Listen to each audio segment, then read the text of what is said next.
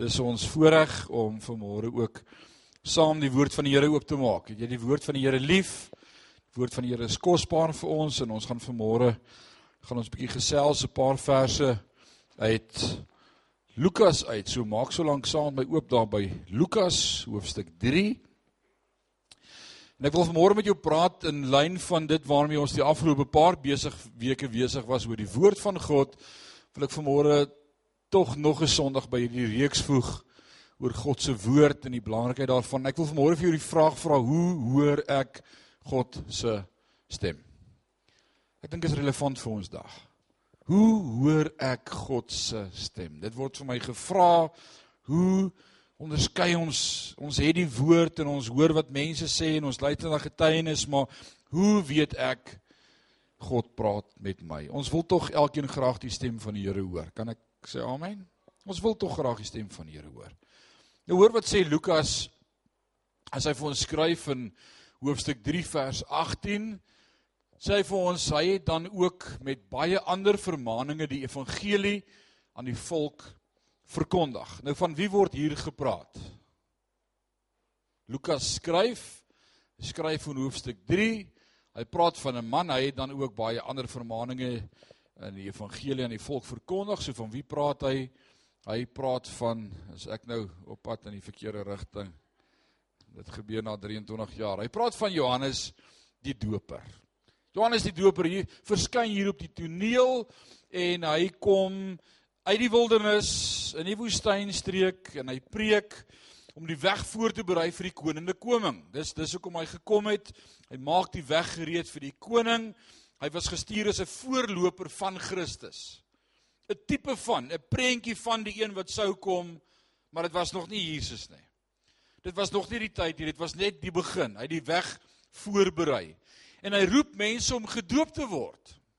Dis sy opdrag. Hy preek, hy preek sonde en dan roep hy mense om gedoop te word, om weg te draai van hulle sonde, om in gereedheid te kom vir Jesus die lam van God. Dit was sy bediening gewees, 'n ongelooflike belangrike bediening gewees wat hy op aarde kom vervul het. Hy het moeilike dinge gepreek sodat hulle sou besef dat al was hulle etnies dalk seuns en dogters van Abraham, dit nie beteken het dat hulle reg was in hulle verhouding met Abraham nie. Hy het kom preek daar moet verhouding wees.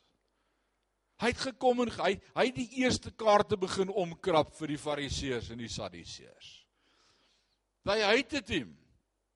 But they let it slide. En toe kom Jesus en toe sê hulle nee, nou het ons genoeg gehad. Hier's nou 'n trend om weg te beweeg van wet af na verhouding toe.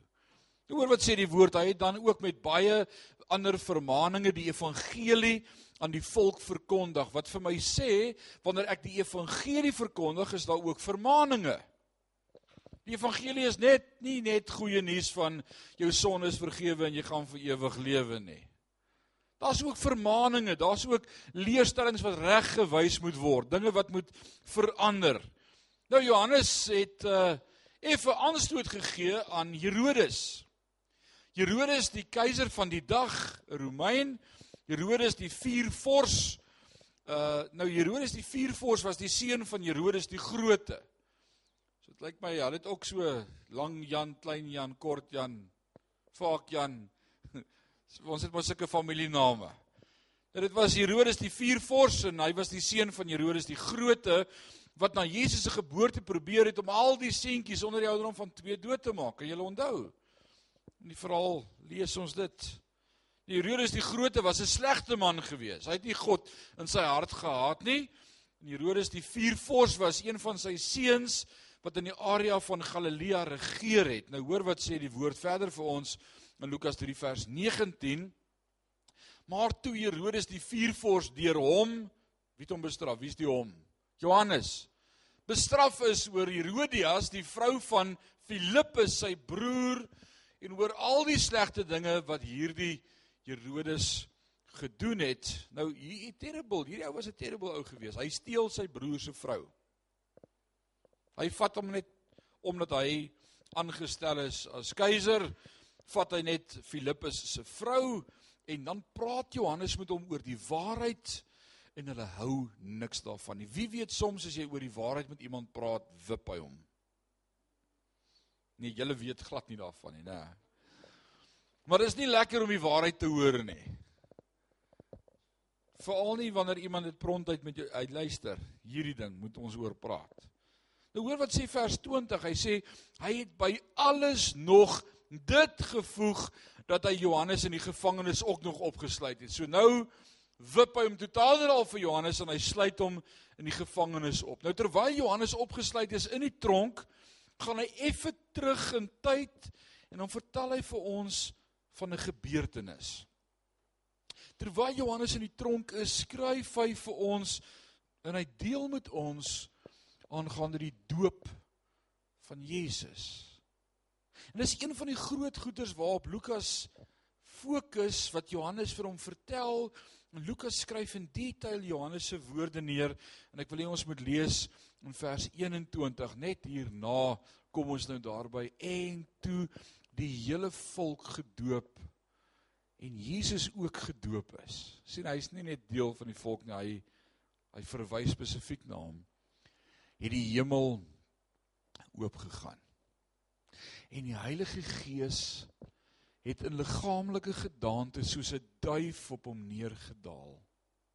En 'n stem het uit die hemel gekom wat sê: U is my geliefde seun. In U het ek 'n welbehae. Nou nou soms in ons geleedere is daar mense wat na ons vinger wys en sê: "Waar kry julle die leerstelling van 'n drie-enige God?" Dis nie Bybels nie dan wil ek vir jou vra vanmôre kyk net na hierdie gedeelte na hierdie twee verse na hierdie een versie vers 22 want in een vers sien ons die Heilige Gees neerdal ons sien die seun wat gedoop word en ons hoor die Vader praat nou groot predikers Eh, wat wat ons sal ken en ek een van hulle wat ek sy naam met met met liefde kan noem vanmôre want hy sê dit self is is 'n man met die naam van TD Jakes. En almal van julle het al iewers iets geluister van TD Jakes, 'n groot swart man in Amerika, pragtige gesalfde prediker. En tot 'n paar jaar gelede was TD Jakes nog 'n Jesus only. Wat beteken 'n Jesus only? Dis 'n leerstelling, dis 'n groep Christene wat glo dat die Bybel so vertolk word, daar's net een En en God kan kies hoe hy homself aan ons openbaar. Hy's of die Vader of hy openbaar hom as die Seun of hy openbaar hom as die Heilige Gees, maar dis dis alles eintlik net Jesus.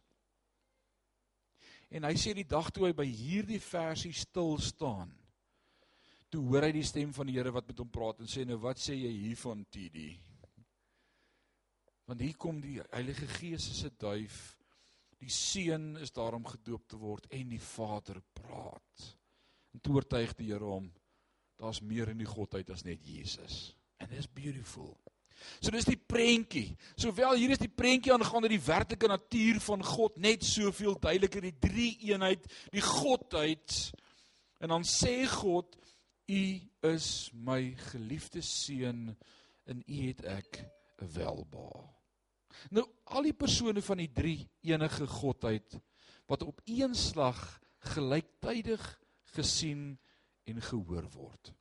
So Jesus word hier gedoop deur Johannes die Doper, maar dit laat ons nou 'n paar vrae begin vra vanmôre want ek is al hieroor ook gevra en ek wonder as ons 'n oomblik sou gee en ek jou 'n bietjie vrae vra vanmôre wat gaan die antwoord wees want die vraag vanmôre wat ons dan vir mekaar vra is daai het ons gehad hoekom is Jesus gedoop word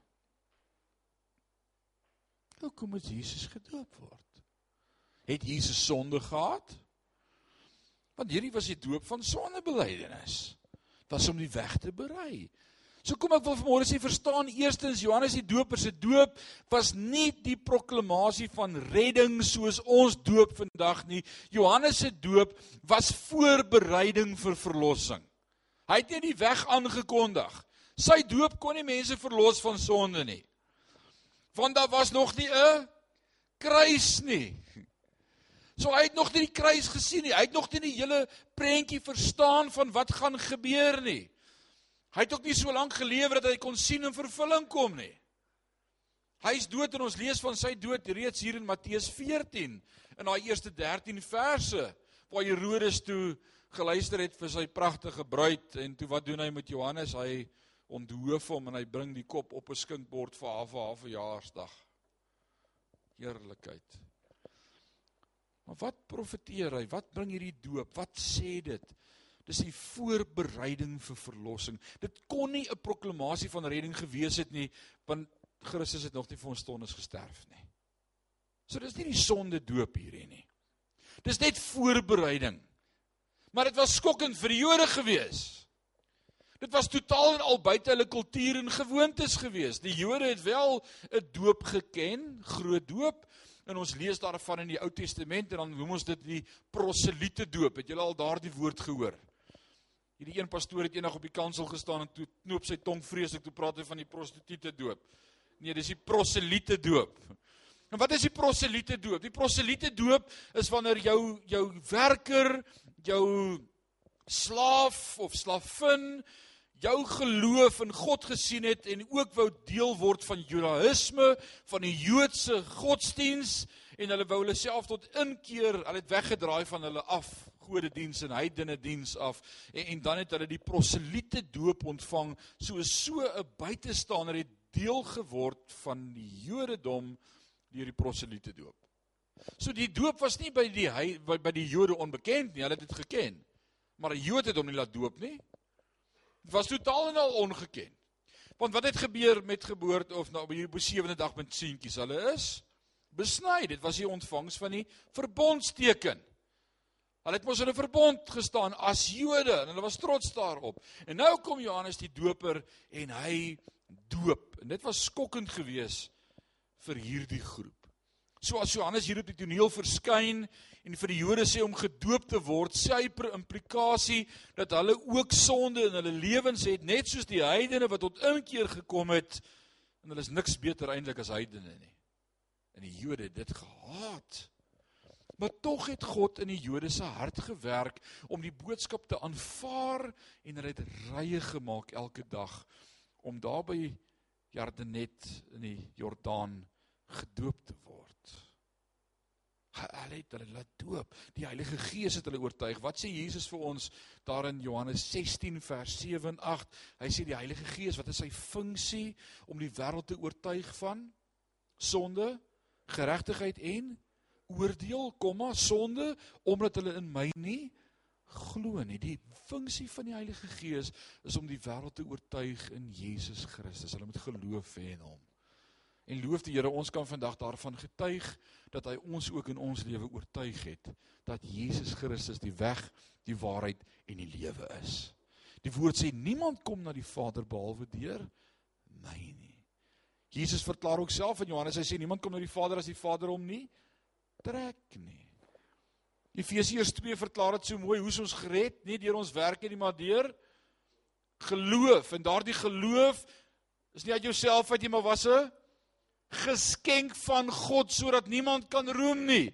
Selfs daardie geloof wat jy gehad het om te glo is 'n geskenk wat God vir jou gegee het en gesê het ek wil hê jy moet glo.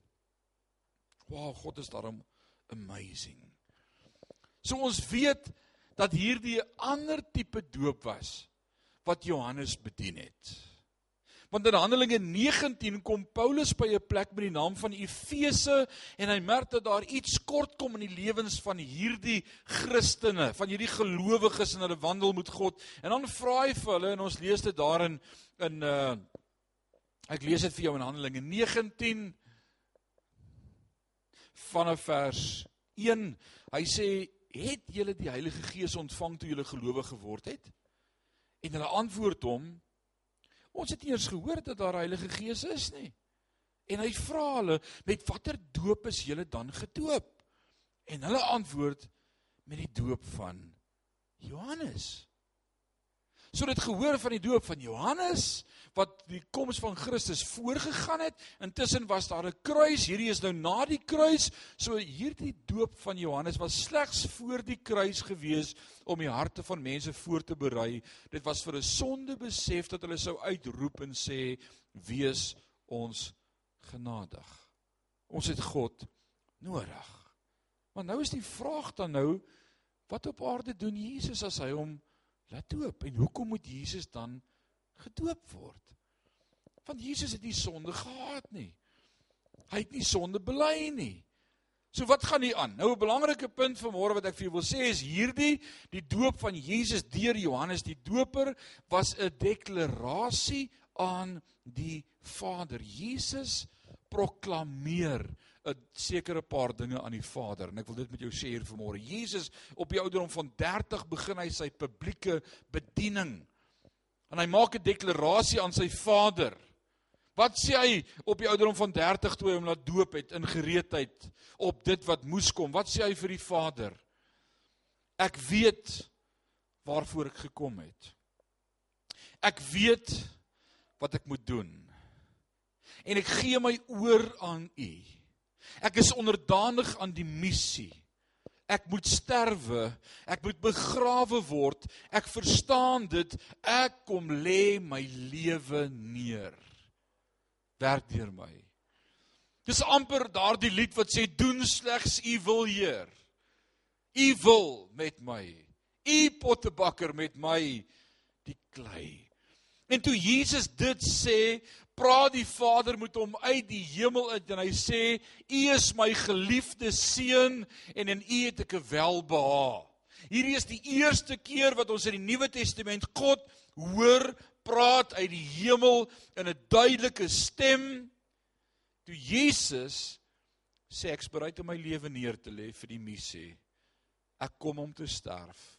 Ek kom om die wêreld se sonde op my te neem. Al is ek volmaak, al is ek seun van God, sal ek sonde word om te verlos die sonde van die wêreld. Die eerste keer as ons God oor praat in die Nuwe Testament, dan is dit as Jesus sy lewe neerlê. Kan jy dit besef vanmôre? Dis baie nice. En nou baie interessant, daar was 3 geleenthede in die Nuwe Testament in die lewe van Jesus wat ons saam met hom was en die stem van die Vader hoor. Drie geleenthede. Die eerste een hierdie geleentheid. Nadat Jesus sy onderdanigheid aan die missie die dood verklaar het, hoor hy en sy disippels wat daar staan God praat. Maak dit oop in jou oor. Die tweede maal, die stem van die Vader word weer gehoor in Johannes 12. Toe begin Jesus om oor sy dood te praat. Die oomblik toe Jesus begin praat oor sy dood, oor die einde, oor die prys, oor die finaliteit, die konklusie, die kulminasie van sy lewe om ons te verlos, toe hoor hy die stem van God wat praat. It's amazing. Dan wil ek vanmôre sê, hoor hierdie gedeelte in Johannes 12 vers 24 en 28 tot 30. Ek lees dit vir jou voor waarvoor waar ek sê vir julle as die koningkorrel nie in die grond val en sterf nie, bly dit alleen. Maar as dit sterf, dra dit veel vrug. Waarvan praat Jesus? Van sy bediening. Hy sê ek is die koringkorrel. Maar as ek nie gaan sterf in die grond val nie, gaan ek nie kan vrug dra nie. Maar ek wil sê dis ook vir my en jou in ons lewe so. Wanneer die eie ek nie sterf en onderdanig is aan God se wil nie, kan gaan God ons nie bless nie want dit gaan oor my. Ek moet my my my wil submit en dan praat Jesus verder in vers 28 en sê Vader verheerlik U naam. Daar het toe uit die hemel gekom 'n stem. En die stem sê ek het dit verheerlik. Ek sal dit weer verheerlik. En die skare wat daar gestaan het en dit gehoor het het gesê dat daar 'n donderslag gewees het. Ander het gesê 'n engel het met hom gepraat. Jesus antwoord en sê hierdie stem het nie om my onwil gekom nie, maar om julle onwil. Die oomblik toe Jesus praat oor die koringkorrel wat in die grond moet val en sterf, Jesus praat oor sy kruisiging, God praat uit die hemel uit. En hy sê: "Wow ek sal dit weer verheerlik. En dan die derde keer wat ons die stem van God hoor, was op die berg van verheerliking.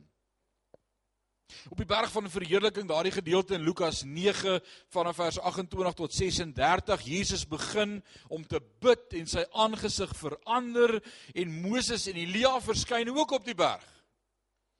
Nou baie interessant, hoekom het Moses en Elia daar verskyn? Want waarvan praat Jesus? Waarvan praat? Hulle praat oor Jesus se einde, oor sy dood.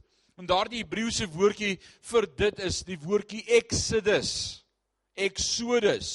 Wat beteken daardie woordjie Exodus? Die Dit kan die uittog wees, maar ook die doodsproses. Die uittog, die proses van sterwe. As ek uitleef en inleef, daardie proses van sterwe praat hulle oor die Exodus.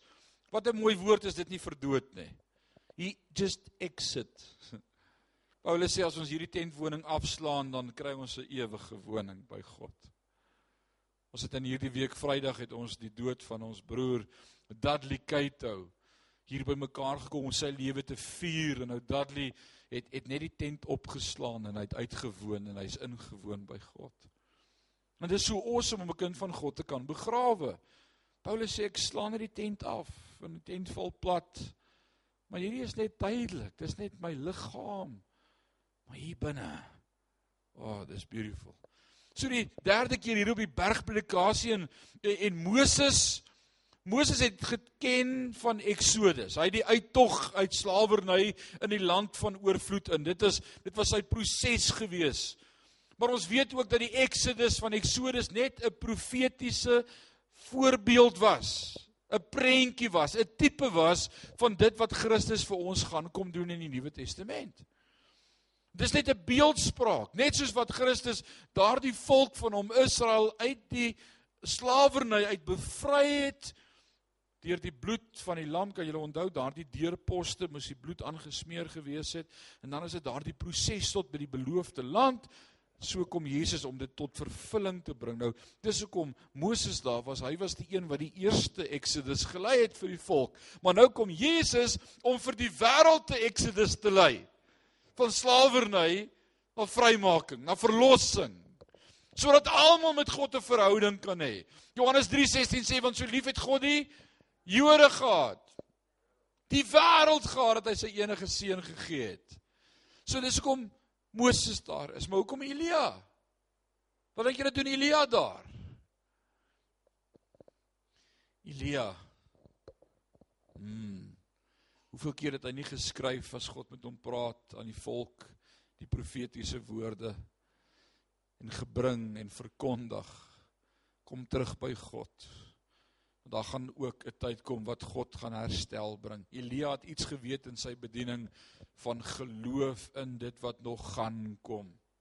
Sy geloof in Christus vir die toekoms, die seun van God. En nou word Petrus so half uit die slaap uit wakker en ek wil vanmôre sê as jy wakker word, haal net eers 'n paar slag, moenie net begin dinge doen nie.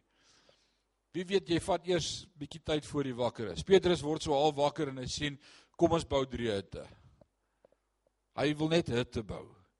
En die Vader se stem praat weer. En wat sê die Vader se stem hierdie keer in Lukas 9 vers 35?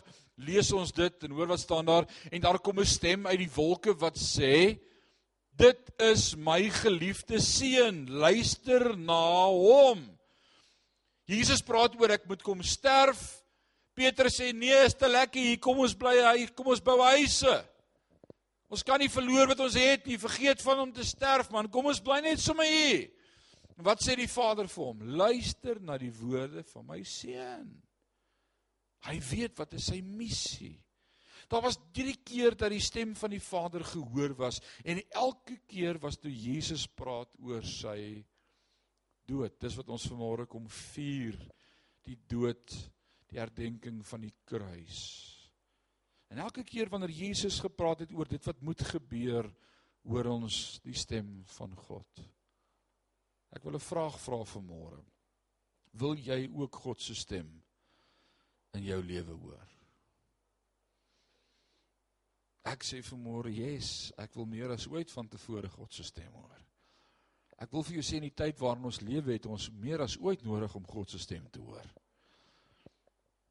Ek het dit laas Sondag gekwote en daai liedjie bly die hele week in my kop. Ek kry dit nie uit my kop uit nie. Jesus now more than ever we are sailing in stormy weather.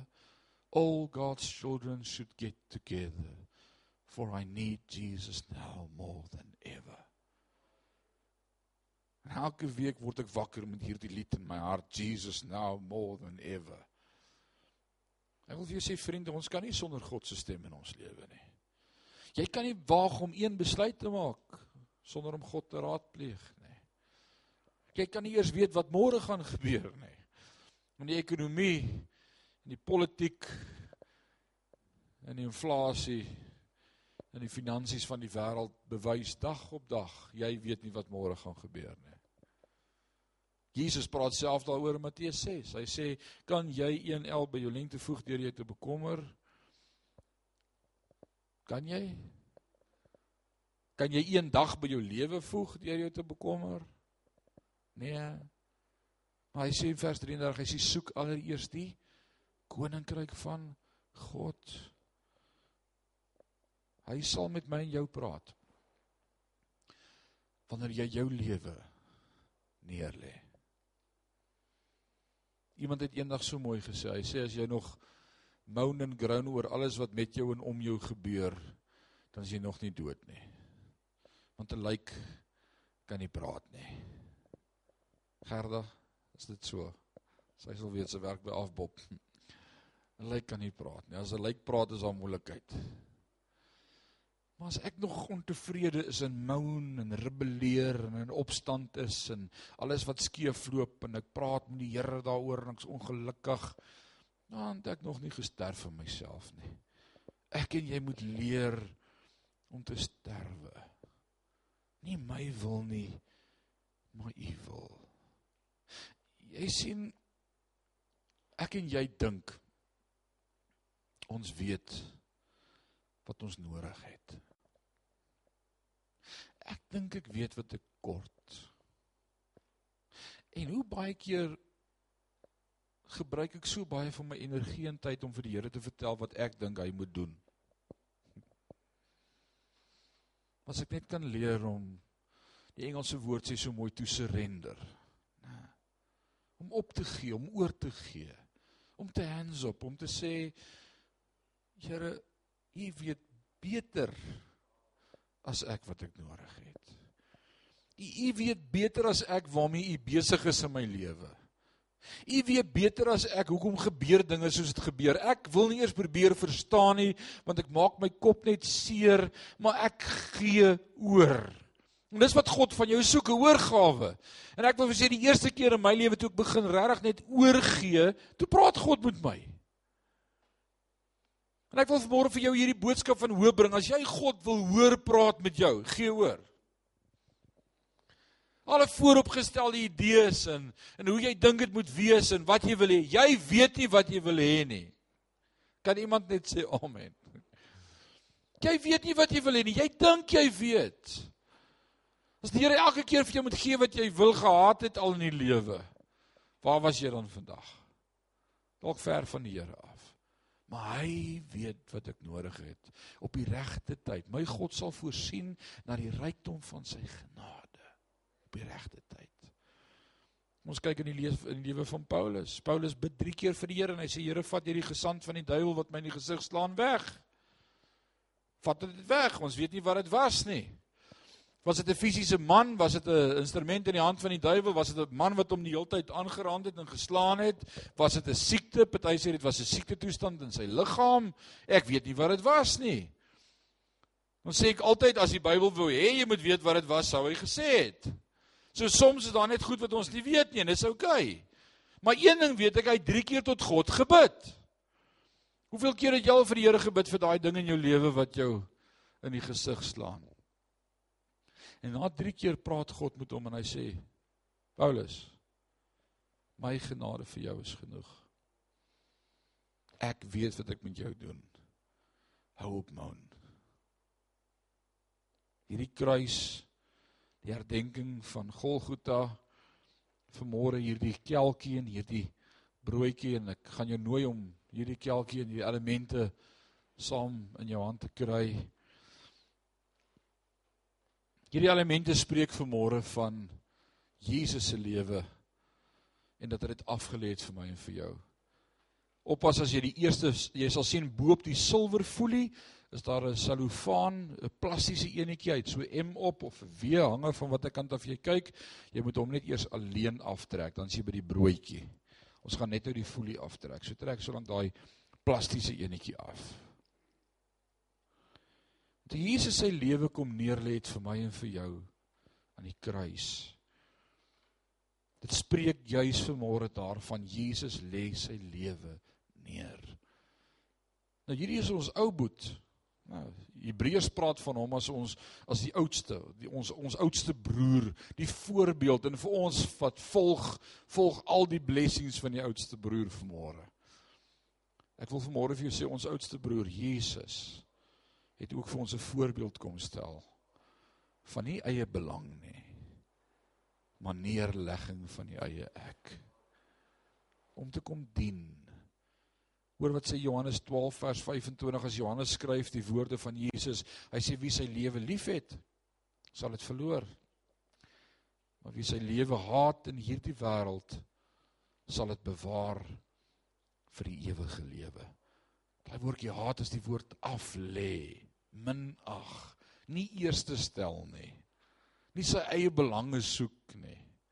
Korintiërs 13 praat daarvan die liefde soek nie sy eie belange nie, is nie vol van homself nie.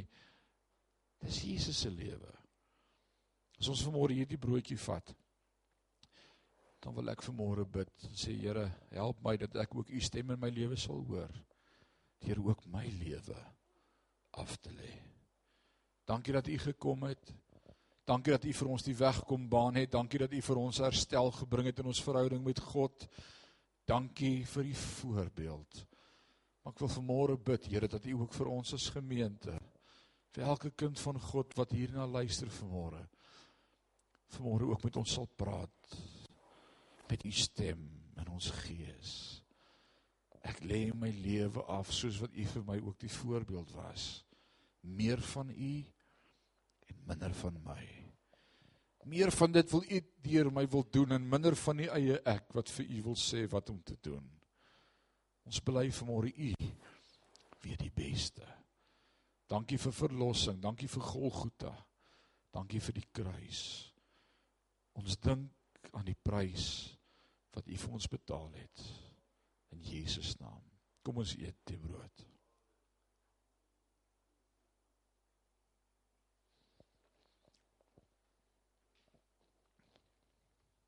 Loof die Here. Loof die Here.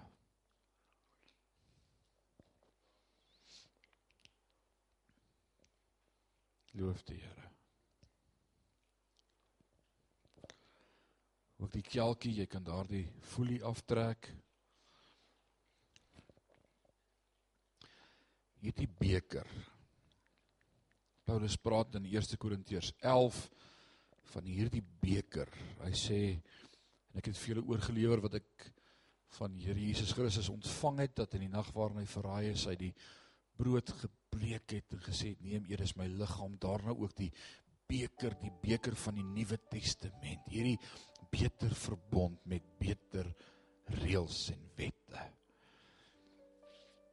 As dit nie vir die bloed was nie, was ek nie vry nie was my naam nie geskryf in die boek van die lewe nie.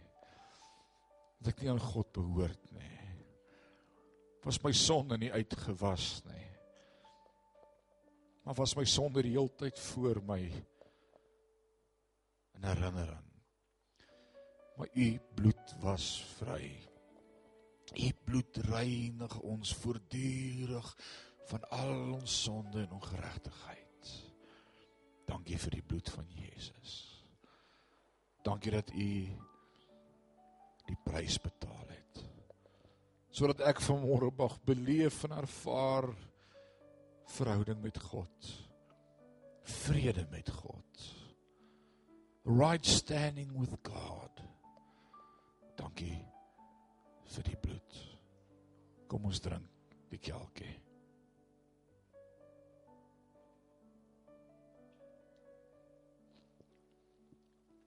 Nou gaan ek jou 'n geleentheid gee om net 'n paar oomblikke met die Vader te praat. Net waar jy sit, maak jou oë toe. Daar's nog tyd, niemand kyk rond nie. En praat vanmôre saam met die Vader oor dit wat hy vanmôre vir jou gesê het in jou hart. Dit vir die Heilige Gees vanmôre op jou hart gedruk het om te sê, werk bietjie hier aan, minder hiervan. Lê jou eie ek af, daardie wil. We surrender this morning, Father God.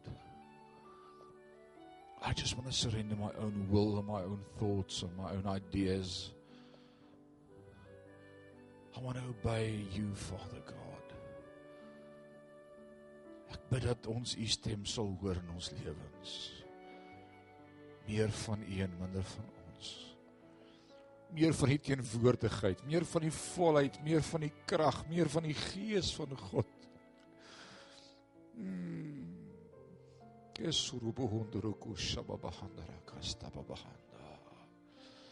Meer van die salwing op ons lewe. Meer van die vrug. Meer van die hart van die Vader. Meer empatie vir 'n wêreld wat U so nodig het. Meer liefde vir sondaars. Meer geduld met mense om ons. O, oh, verander ons. Verander ons deur die bloed die kruis. Maak ons nuut. Kom reinig en heilig ons